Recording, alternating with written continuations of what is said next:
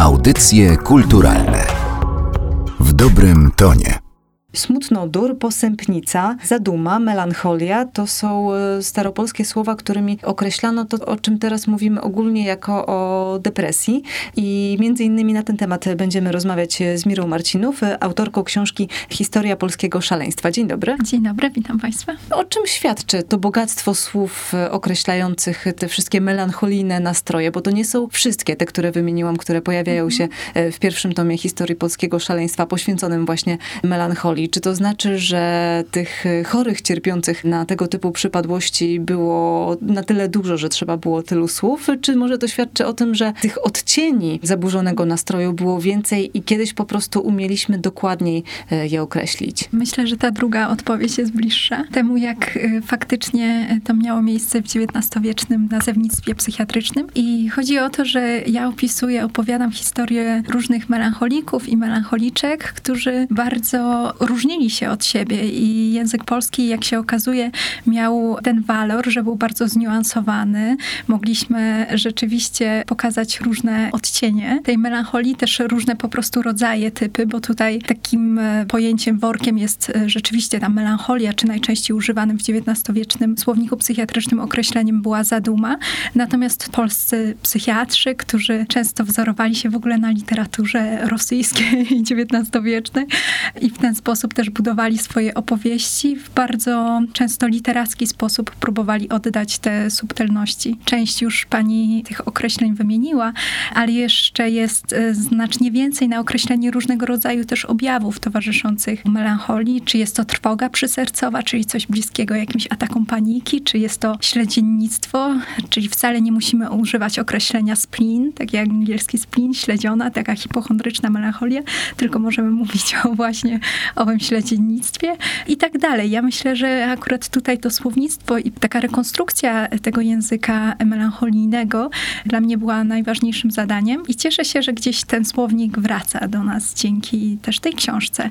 Powiem, że już wiele osób e, zaczyna używać takich określeń, które gdzieś mogą wydawać się anachroniczne, ale są znacznie bardziej plastyczne, obrazowe, nie są jakąś tajemnicą, jak nie wiem, dementia precox, e, tutaj krepelina na określenie schizofrenii no niewiele nam to mówi, a tutaj będziemy mieli też w kolejnych tomach takie bliskie nam określenia, które dają nam jakieś pojęcie o tej materii, jak na przykład właśnie smutnodór. A czym między sobą różnią się właśnie te słowa? Czym się różni smutnodurny, czyli głupi ze smutku, od człowieka posępnego albo pogrążonego we frasunku? Te trzy pojęcia, które pani wymieniła, są bardzo różne znaczeniowo. To znaczy, zacznę od ostatniego określenia frasunek, frasobliwy człowiek renesansu, renesansu, jak też nazwałam, pochodzi od niemieckiego fresen, ale Niemcy nie zrobili nic z tym pojęciem, a my e, nadaliśmy mu odcień takiego pożerającego rodzaju zadumy i bardziej dotyczy to rzeczywiście staropolskiego e, języka i możemy odnaleźć to też u Kochanowskiego na przykład.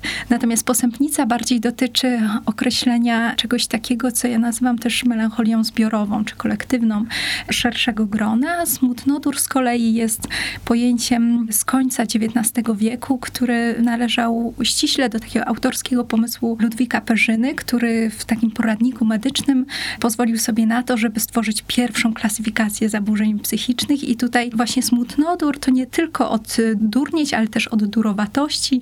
To przetrwało w durze brzusznym, też dotyczy pewnego rodzaju bólu, ale też wybujałej fantazji, więc wybujałej fantazji melancholika. Były też różnice w podejściu do melancholii, bo melancholia medyczna, czyli ta, którą badali czy psychiatrzy, czy prekursorzy tej e, nauki na ziemiach polskich, różniła się od tej melancholii artystycznej, uwznieślającej, która była odbierana tak naprawdę chyba jako coś pozytywnego. Pozwalała mhm. przecież dotkniętym nią tworzyć wyjątkowe dzieła. Tak, dokładnie. Ja tutaj posługuję się słowackim, który mówi o dwóch rodzajach melancholii. Jedna jest e, skrzydłami ludzi wysokich, a druga kamieniem ludzi topiących się. Chodzi o tą melancholię z jednej strony uwznieślającą, z drugiej strony właśnie patologiczną, będącą cierpieniem.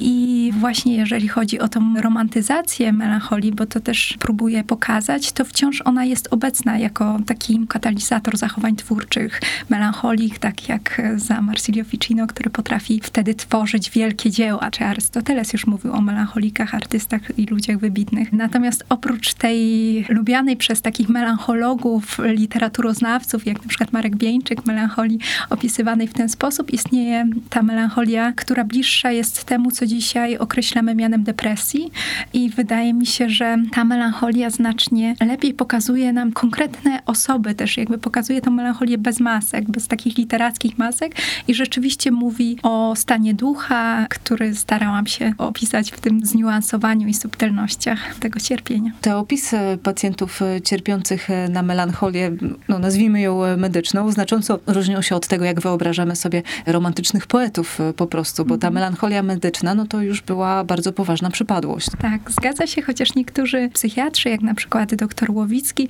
opisując przypadki melancholików piersiowych, piersiowo-brzusznych i melancholiczki podbrzusznej, jak to nazywa, mówi też o tym, że jakby efektem ubocznym takiego cierpienia melancholijnego może być w przypadku tych piersiowo-brzusznych melancholików tworzenie poezji, w przypadku brzusznych tworzenie dzieł filozoficznych. Natomiast o kobietach wyraża się, że nawet jeżeli piszą w tej melancholii wiersze, to wszystkie one na jedną jotę. Natomiast jakby zdają sobie sprawę ci autorzy, powiedzmy medyczni, zdają sobie sprawę z tego, że ta romantyzacja występuje, ale my musimy też pomóc osobom, które jednak mówią o niebywałym cierpieniu psychicznym. I o tym też ta książka jest. I śledząc opisy przypadków e, medycznych, wskazuje pani, jak bardzo różniło się podejście do melancholii mężczyzn, a do melancholii kobiet. I pokazuje te podwójne standardy w traktowaniu melancholiczek. Pokazuje też, e, że ta melancholia ma zwykle jeden wymiar.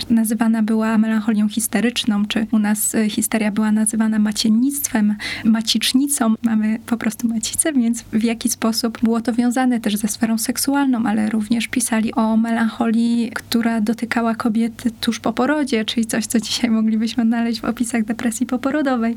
Jeżeli chodzi o mężczyzn, no to tutaj widziano też um, jakieś pozytywne strony tej melancholii. Niestety, jakby widzimy, też śledzimy, jak było to zgodne z takim kultem prawdziwej kobiecości i gdy kobiety zachowywały się w różny sposób niż ten kult prawdziwej kobiecości przykazał, czyli tam była pobożność, uczciwość, uległość i czystość, to bardzo szybko były kwalifikowane jako chore psychicznie po prostu, więc też w ten sposób patrzymy, jak konstruowane było to polskie szaleństwo, w tym wypadku polskie, bo badam właśnie materiały polskie i jak różnie wobec mężczyzn i wobec kobiet fabrykowane było szaleństwo. E, rozmawiałyśmy o tym, że melancholicy, mężczyźni e, mieli e, te pozytywne strony swojej choroby, które pozwalały im czy pisać wiersze, czy zajmować się sztuką i ta melancholia wywierała bardzo duży wpływ na polską sztukę w wieku XIX. Tak, staram się też o tym pisać, to znaczy zaznaczam w jakim sensie, gdzie odnajdziemy melancholię w literaturze XIX-wiecznej i nie tylko przedstawienia melancholii, ale też pisma autorstwa melancholików.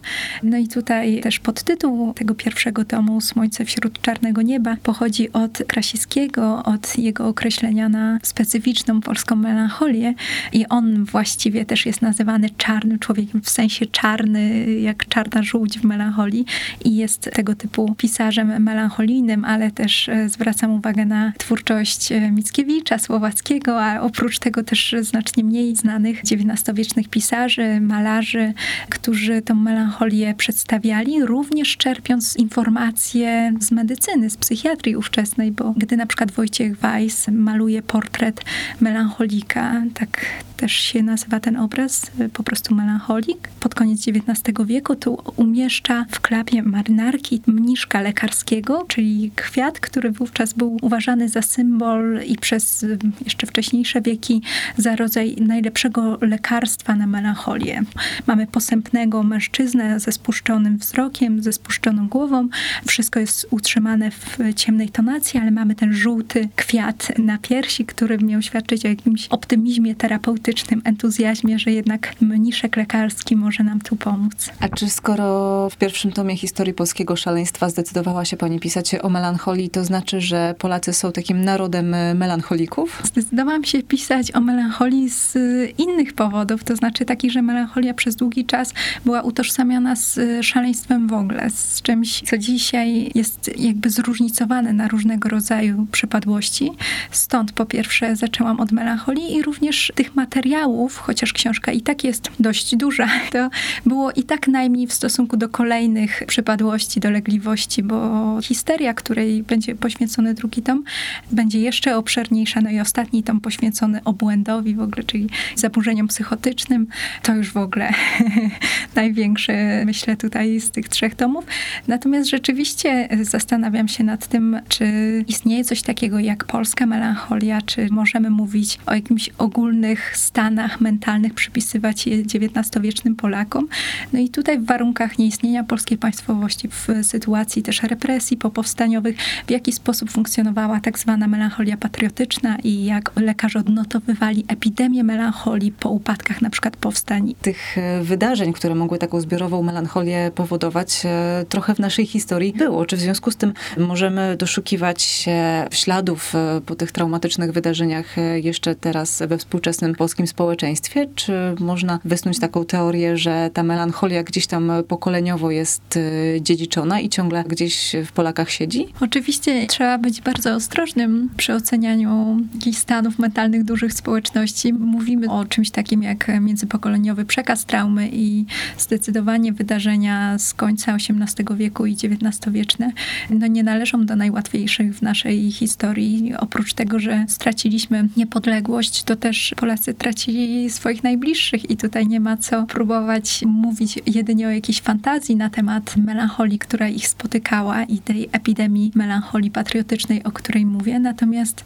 to, co dzisiaj odnajdujemy, to wydaje mi się, że jeśli jednak bym zaryzykowała jakieś diagnozy współczesności, tylko tak jak mówiłam, z dużą ostrożnością, to mówiłabym o czymś takim jak pewnego rodzaju powrót do tamtych stanów XIX-wiecznych melancholików w tym sensie, że oni pisali na przykład w tak zwanych listach od chorego, bo było coś takiego, niczym gatunek literacki, list od chorego, pisali też o utraconej świetności kraju, o tej Polsce od morza do morza, o jakiejś e, bardzo wyidealizowanej przeszłości. I tutaj myślę, że ten powrót jakoś następuje. To znaczy, że ta tęsknota, czy jak nazywali to XIX-wieczni psychiatrzy, tęsknica, tęsknica, czyli tęsknota nie wiadomo za czym, e, dokładnie jakby nas dotyka. I w ten sposób być może można się dopatrywać jakichś znamion powrotu tej polskiej XIX-wiecznej melancholii. A poza tym jeszcze jest kwestia tak zwanej kreatywnej funkcji autostereotypu Polaka, czyli że nawet jeżeli nie jesteśmy wybitnie tutaj melancholijni, czy nie możemy sobie tego tak nazwać, jak Portugalczycy nazywają saudat, że cierpią na rodzaj takiej właśnie melancholii, zadumy, tęsknoty za przeszłością, to jednak pokazując w jaki sposób y, ta melancholia była kreowana, możemy w pewien sposób mówić o tym, że my włączamy w nasz autostereotyp Polaka też pewnego rodzaju melancholijność. Z drugiej strony badania na temat tego, jak postrzegani są Polacy, również wskazują na to, że gdzieś może bliższe jest to zwykle jakiemuś przygnębieniu, czy tej posępnicy właśnie, niż takiej zadumowej, jak to nazywano, melancholii. Ale rzeczywiście coś w tym e, może być uderzające do tamtego stanu XIX-wiecznego i dzisiaj XXI-wiecznego.